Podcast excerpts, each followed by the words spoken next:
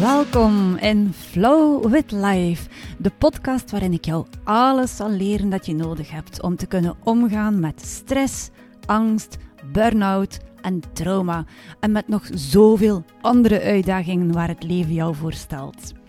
Mijn naam is Evelien van Haverbeke en in mijn unieke en erg succesvolle aanpak combineer ik eeuwenoude technieken uit de yogatherapie met pranayama ademhalingsoefeningen, mindfulness, meditatie en de nieuwste inzichten uit de polyvagaaltheorie. Daarbij vertrek ik altijd vanuit het lichaam om rust en balans te creëren in zowel het lichaam als de geest. Hier dus geen holle goeroe-uitspraken en loze beloftes. Wel professioneel, eerlijk advies en concrete tips. Maar laat ons er vooral aan beginnen. Denk minder, voel meer, luister naar mijn tips, inzichten en adviezen en flow with life.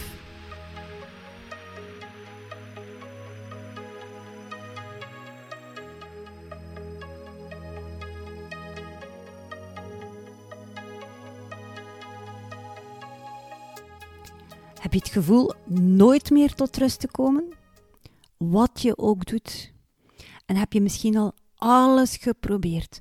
Van praten met psychologen over hele stapels zelfhulpboeken tot het eindeloos herhalen van positieve affirmaties voor de spiegel. Maar niets helpt. En dat komt omdat jouw zenuwstelsel uit balans is. Je zit vast in de stressmodus. De orthosympathische of sympathische modus, zoals die genoemd wordt in de polyvagaaltheorie. Hoe dat precies allemaal in elkaar zit en wat je nu kunt doen om je zenuwstelsel te gaan reguleren en eindelijk rust te gaan ervaren, dat vertel ik jou allemaal in deze aflevering. Je zenuwstelsel dus. Daar ligt de sleutel tot een leven in rust. En om dat leven te kunnen realiseren, moet je oefenen. Oefenen en blijven oefenen om een sterke en veerkrachtige nervus vagus te ontwikkelen. Klinkt dat als te veel moeilijke woorden na elkaar? Zenuwstelsel, orthosympathische modus, nervus vagus? Geen paniek, ik leg het zo meteen allemaal duidelijk uit. Maar weet om te beginnen vooral dit. Als jij je altijd opgejaagd voelt, dan moet je je zenuwstelsel dringend gaan trainen. En hoe je dat precies doet, dat vertel ik jou straks ook. Maar eerst eventjes wat uitleg over dat zenuwstelsel. Want nee, het helpt inderdaad niet om een uur lang in een badkuip te gaan liggen weken terwijl grote vette ogen lavendelolie rond jou drijven, omdat lavendel een rustgevende werking heeft. Het helpt ook niet dat je een hele zondag in bed blijft liggen, of dat je gewoon op de zetel je installeert met een pak chips in de hand en dan naar een serie kijkt. Ontspannen is niet hetzelfde als niets doen. Dat is een heel groot misverstand. Integendeel zelfs, ontspannen is een activiteit. Het is wel degelijk iets doen. Het is werken, oefeningen doen om je zenuwstelsel te trainen en om die nervus vagus, waar ik het daarnet over had, te gaan versterken. Maar wat is die nervus vagus nu precies? En dat zenuwstelsel van jou, hoe, hoe werkt dat? Waarom kan het dan wel in stressmodus blijven hangen en daar hardnekkig in blijven, wat je ook doet, zelfs lang nadat je afstand hebt genomen van bijvoorbeeld die collega die jou het bloed onder de nagels haalde, zelfs wanneer je al twee weken op je luie krent ligt op de Malediven, tijdens die vakantie waar je zo van gedroomd had, waar je zoveel geld hebt aan uitgegeven en waar je zulke hoge verwachtingen van had. En met een ijsje in de hand heb je zicht op de wilde golven en een ondergaande zon. Maar ondertussen blijft dat hartje van jou maar slaan als een beest. Waarom? Om dat te begrijpen moet ik die stress en dat zenuwstelsel van jou even situeren in je lichaam en jou uitleggen wat er precies gebeurt wanneer jij je opgejaagd voelt. En als ik praat over het zenuwstelsel, want daar ga ik nu meteen het over hebben, dan gaat het hier over het autonome zenuwstelsel. En het autonome zenuwstelsel dat stuurt alle lichaamsfuncties aan die vanzelf gebeuren in je lichaam, zonder dat je er bewust mee bezig bent. Autonoom, het woord zegt het zelf. Zo stuurt het bijvoorbeeld je spijsvertering aan, je hartslag, je bloeddruk, je ademhaling en nog veel meer. Allemaal dingen waar je je niet moet mee bezighouden. Ons lichaam doet het autonoom, automatisch. En gelukkig maar, anders moesten we de hele dag blijven denken aan alles wat ons in leven moet houden. Maar tegelijk, omdat het autonoom gebeurt, betekent dit ook dat we er geen bewuste controle over hebben. We kunnen onze spijsvertering niet gaan versnellen of vertragen. En onze hartslag die kunnen we ook niet zomaar op commando veranderen. We kunnen ons hart niet vragen om een minuutje te stoppen met kloppen, gelukkig maar. Maar onze ademhaling, dat is een speciaaltje. Want die gaat ook wel automatisch, maar je kunt die wel beïnvloeden en veranderen. Je kunt je ademhaling versnellen, vertragen, verdiepen. Je kunt je adem zelfs even inhouden als je dat wil. En daarom, omdat die ademhaling de enige functie is van je autonome zenuwstelsel, dat je onder controle kunt krijgen, daarom zal je ademhaling de allereerste stap zijn, de basis om jouw autonome zenuwstelsel te gaan reguleren, om het van stressmodus naar rustmodus te kunnen brengen. Maar daarover dus straks meer wanneer ik het heb over de methodes, want eerst ga ik het hebben over dat autonome zenuwstelsel en die belangrijkste zenuw waar ik het daarnet over had, de nervus vagus. En die wordt ook wel de zwervende zenuw genoemd, of soms de wandelende zenuw. Want ze wandelt je hele lichaam door. Ze verbindt onze hersenstam met alle organen in onze buik.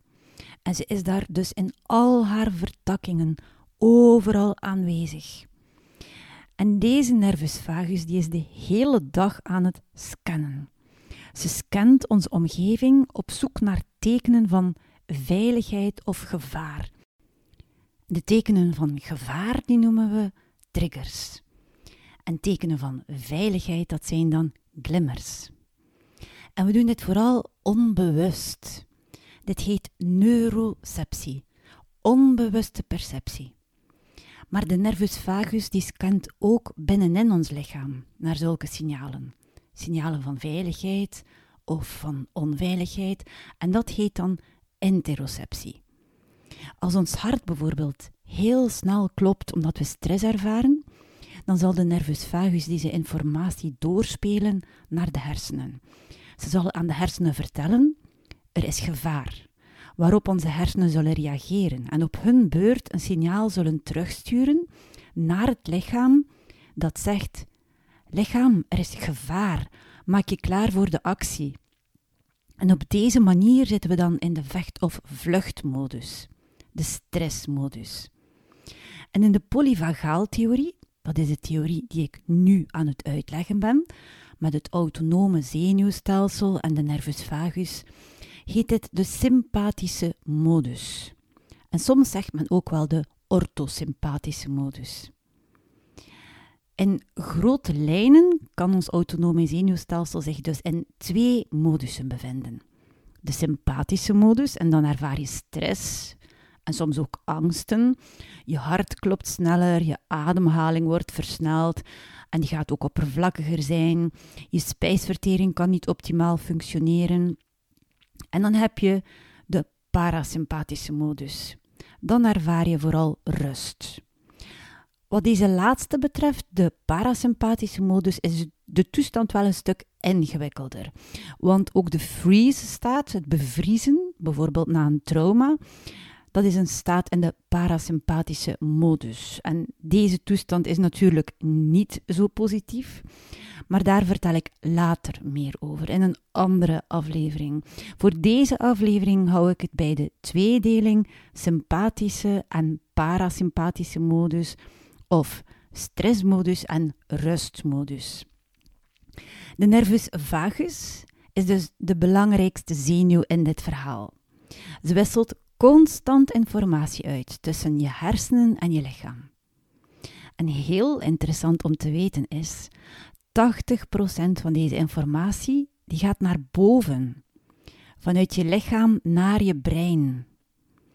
En daarom is het ook dat denken, praten, overtuigen allemaal niet helpen om jezelf tot rust te brengen. Jouw verstand kan dan wel weten dat je geen reden hebt om je opgejaagd te voelen. Dat helpt jou helemaal niet, zolang je nervus vagus signalen van ontregeling opmerkt in je lichaam en deze de hele tijd naar je brein stuurt. Terwijl jij bijvoorbeeld op je strand in de Malediven tegen jezelf zegt: Ik moet kalmeren, ik moet mij ontspannen. Op deze plek is er toch geen reden tot onrust. Terwijl je dat allemaal tegen jezelf zegt, constateert jouw nervus vagus dat je hart nog altijd slaat als een gek. Dat je aan het hyperventileren bent, dat je maag van streek is, want je bent totaal in de stressmodus blijven steken. Ook op vakantie. En dat merkt je nervus vagus aan een heleboel symptomen. Waarop ze aan je brein laat weten dat de kust helemaal niet veilig is, ook al lig je dan op dat strand in de zon. En jij blijft je dus maar opgejaagd voelen, wat je ook doet en wat je ook vertelt tegen jezelf. We moeten ons zenuwstelsel dus actief gaan reguleren. We moeten onze nervus vagus versterken, zodat hij makkelijker kan schakelen tussen rust- en stressmodus en zodat hij alleen nog maar in de stress schiet wanneer daar een reden toe is. En dus niet wanneer jij lang uit wilt genieten onder de zon. Of wanneer je op een zondagnamiddag je batterij wilt opladen voor de maandag en je helemaal niet tot rust komt. Maar die regulatie, die gaat dus niet vanzelf. Dat is werken, oefenen en ook blijven volhouden tot je resultaat krijgt.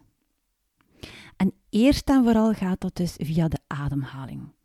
Want dat is, je herinnert je misschien nog wat ik je al vertelde, de enige functie van ons autonome zenuwstelsel waar we controle over hebben. Via onze adem kunnen we dus rechtstreeks invloed gaan uitoefenen op de nervus vagus. Zodra jij rustig en diep zal gaan ademhalen, in een regelmatig tempo, dan zal jouw nervus vagus dat gaan interpreteren als de kust is veilig, we kunnen ontspannen. En dan geeft ze die informatie door aan je hersenen. En jouw hersenen die krijgen dus de boodschap: het is veilig en die sturen dan die informatie opnieuw naar je lichaam. Maar je hebt dus die vicieuze cirkel dan doorbroken. En pranayama-ademhalingsoefeningen die zijn daar speciaal voor gemaakt. Die pranayama, dat zijn ademhalingsoefeningen die uit de yoga-traditie komen. Ze bestaan al 3000 jaar. En ze hebben dus al evenveel jaren kunnen bewijzen dat ze echt wel werken. En als je meer wilt weten over deze pranayama-ademhalingsoefeningen en over waarom onze ademhaling zo'n superpower is, dan moet je vooral eventjes luisteren nog ook naar aflevering 3 van deze podcast, want daar vertel ik er jou alles over. Maar niet alleen je ademhaling is van belang. Je moet ook het contact met je lichaam herstellen als je vaker in de rustmodus wilt zijn. Want dat contact met ons lichaam, dat zijn we in onze westerse wereld echt wel kwijtgeraakt. We leven in een maatschappij waarin alle nadruk is komen te leggen op ons verstand. We moeten ons verstand gebruiken. En zo hebben we geleerd om ons buikgevoel te negeren. Maar ons buikgevoel is ongelooflijk belangrijk. Het is ons tweede brein en het zit in onze darmen. In onze darmen zit namelijk een volledig netwerk van neuronen, net zoals in ons hoofd, in onze hersenen. En dat netwerk van neuronen is ook voortdurend aan het werk om onze omgeving te scannen.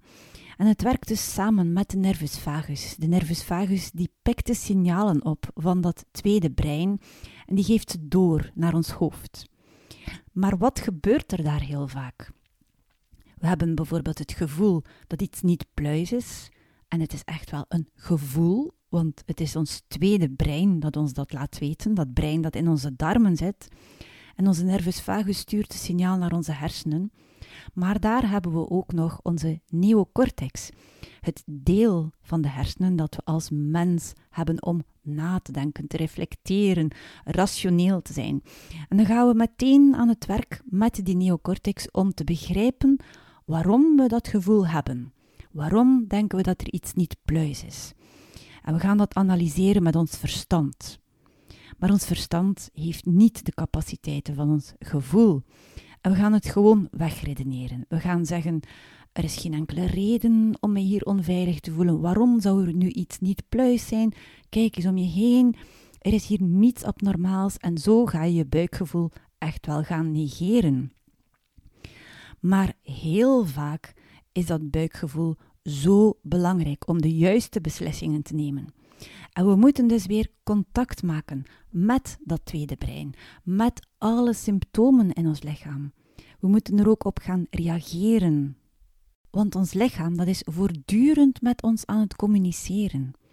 Telkens je iets voelt in je lichaam, spanningen, pijn, tintelingen of nog andere sensaties, is dat iets dat ons lichaam ons wil vertellen. Elke sensatie heeft een betekenis. En we moeten ons weer meer bewust worden van wat ons lichaam ons vertelt. Want pas als we de signalen oppikken, kunnen we er ook een antwoord op bieden. En daarvoor zijn oefeningen uit de yogatherapie ongelooflijk mooi, heel goed geschikt. Want in de yogatherapie ga je aan de slag met dat lichaam. Je gaat voelen wat er te voelen is. En daarvan afgeleid is ook bijvoorbeeld somatic experiencing. En somatic experiencing, een heel mooie theorie, die mensen ook helpt om hun lichaamsbewustzijn te ontwikkelen en daardoor te genezen. Daar gaan dezelfde technieken gebruikt worden als in de yogatherapie. Je maakt contact met je lichaam. Je gaat heel bewust inchecken. Je gaat in dat lichaam gaan met je volledige aandacht. En daar ga je na wat je precies allemaal voelt. En daar ga je dan ook mee aan de slag. En er is iets heel moois in de mindfulness dat eigenlijk net hetzelfde doet. En dat is een bodyscan. Een bodyscan is een soort meditatie. Maar het is een meditatie waarbij je volledig de focus legt op je lichaam. En je gaat tijdens zo'n bodyscan je lichaam overlopen, van kop tot teen, terwijl je telkens weer nagaat: wat voel ik in dat deel van mijn lichaam? En daar ga je niet over oordelen. Je gaat het alleen maar constateren. Observeren. Heel neutraal, alsof je lichaam niet eens van jou is. En je gaat heel bewust elk deel van je lichaam overlopen. Dat is wat je doet in een bodyscan. En dat brengt ons direct bij de mindfulness. Want mindfulness zal jou ook helpen om meer rust te creëren in je lichaam en in je hoofd. Want in mindfulness leer je om je bewust te zijn van alles. Je bewust zijn van je gedachten, zodat je zelf doorhebt wanneer je erg negatief aan het denken bent. En negatieve gedachten die hebben een slechte invloed op je lichaam ook. Die zorgen natuurlijk ook voor stress. Die zullen ervoor zorgen dat je lichamelijke symptomen gaat ontwikkelen. Maar bij mindfulness leer je ook bewust te worden van dat lichaam zelf dus. Je wordt je bewust van je omgeving, alles om je heen. Je gaat heel actief op zoek naar wat zijn mijn zintuigen nu allemaal aan het oppikken. En heel vaak doen we veel dingen op de automatische piloot. We zijn ons totaal niet meer bewust van wat we aan het doen zijn en waar we precies zijn. Maar met mindfulness leer je om dat weer zoveel vaker wel te doen. Je zult door mindfulness ook minder onbewuste triggers hebben. Want je leert jouw aandacht te richten op wat jou nu triggert, op wat ervoor zorgt dat je iets gaat doen. Je gaat reageren op iets en jou afvragen: waar heb ik nu precies op gereageerd? Er zijn heel wat mindfulness oefeningen die je overdag kunt doen. Gewoon tijdens je dagelijkse activiteiten. Je hoeft er dus niet eens extra tijd voor uit te trekken. Het enige dat nodig is, is jouw volledige aandacht bij het hier en nu. Zonder te oordelen, met een open en nieuwsgierige blik en ingesteldheid. En ook over mindfulness heb ik trouwens twee volledige podcastafleveringen opgenomen. Het zijn de afleveringen 12 en 13. En ik vermeld ze nog eens in de show notes, zodat je ze kunt beluisteren als je dat wilt. En dan is er nog meditatie. En dat is wel mindfulness next level. Want meditatie is een formele beoefening van mindfulness. En dat betekent eigenlijk dat je hier wel speciaal tijd voor moet uittrekken. Maar het is het meer dan waard om dat ook echt te gaan doen. Want zodra je een meditatieroutine hebt opgebouwd, zul je ervaren dat er iets aan het schuiven gaat. Het is niet zo dat je dan nooit nog stress ervaart in je leven, maar dat hoeft ook niet. En dat zou ook niet wenselijk zijn. Want stress is soms levensnoodzakelijk. Het kan ons leven redden wanneer we in gevaar zijn. Het doet ons reageren op prikkels die ons bedreigen. Maar je zult er wel veel minder tijd in zijn in die stressmodus, want je zult sneller kunnen schakelen naar de rustmodus. Terwijl je mediteert, train je jezelf namelijk in het aanwezig zijn in het moment en de focus daarop houden. Je kunt bijvoorbeeld gaan mediteren met je adem als anker. En dan ben je voortdurend aan het focussen op het in- en uitademen, opnieuw en opnieuw. Of je mediteert met een mantra. Dat is een klank of een woord dat je dan herhaalt. Of je doet een bodyscan, waar ik zo net al over vertelde. Maar in elk geval, je focust op iets dat hier en nu is. En zo train je jezelf in het aanwezig zijn, in het heden. En dan ga je niet meer zo snel piekeren. Want dat piekeren, dat gaat altijd over het verleden of over de toekomst. En het piekeren is een enorme stressfactor in je leven. En ook over meditatie heb ik trouwens een volledige aflevering. Ik ga ze ook in de show notes zetten, zodat je ze kunt beluisteren als je dat wilt. Maar misschien denk je nu wel, ik zou toch echt wel graag dat zenuwstelsel eens gaan trainen en er alles over willen weten. En als dat zo is, als jij wilt gaan trainen om eindelijk zoveel meer rust te gaan ervaren, minder te gaan piekeren, ook minder lichamelijke klachten gaan ontwikkelen. En als je emoties op een gezonde manier wilt leren verwerken, zodat je er niet blijft in hangen, maar ze ook niet onderdrukt. En als je daar bovenop ook nog eens wilt leren hoe een gezonde slaaproutine eruit ziet. En welke voeding er precies zorgt voor meer stressrespons in je lichaam, of minder. En hoe je met angsten omgaat en nog zoveel meer schrijf je dan nu meteen in voor mijn online programma Zen, want het gaat al op 12 februari van start. En in dat programma leer ik het jou allemaal, stap voor stap. 10 weken lang. En er is nu tijdelijk een korting van wel 130 euro voor de early birds. En realiseer dan in 2024 eindelijk die grote transformatie waar je al zo lang naar verlangt. Van een stresskip naar iemand die heel regelmatig zen mag zijn. Ook de link naar mijn online programma zet ik natuurlijk in de show notes. Bekijk het meteen. Schrijf je ook meteen in, zodat je de korting niet mist en zodat je er zeker bij bent. En ondertussen, flow with life.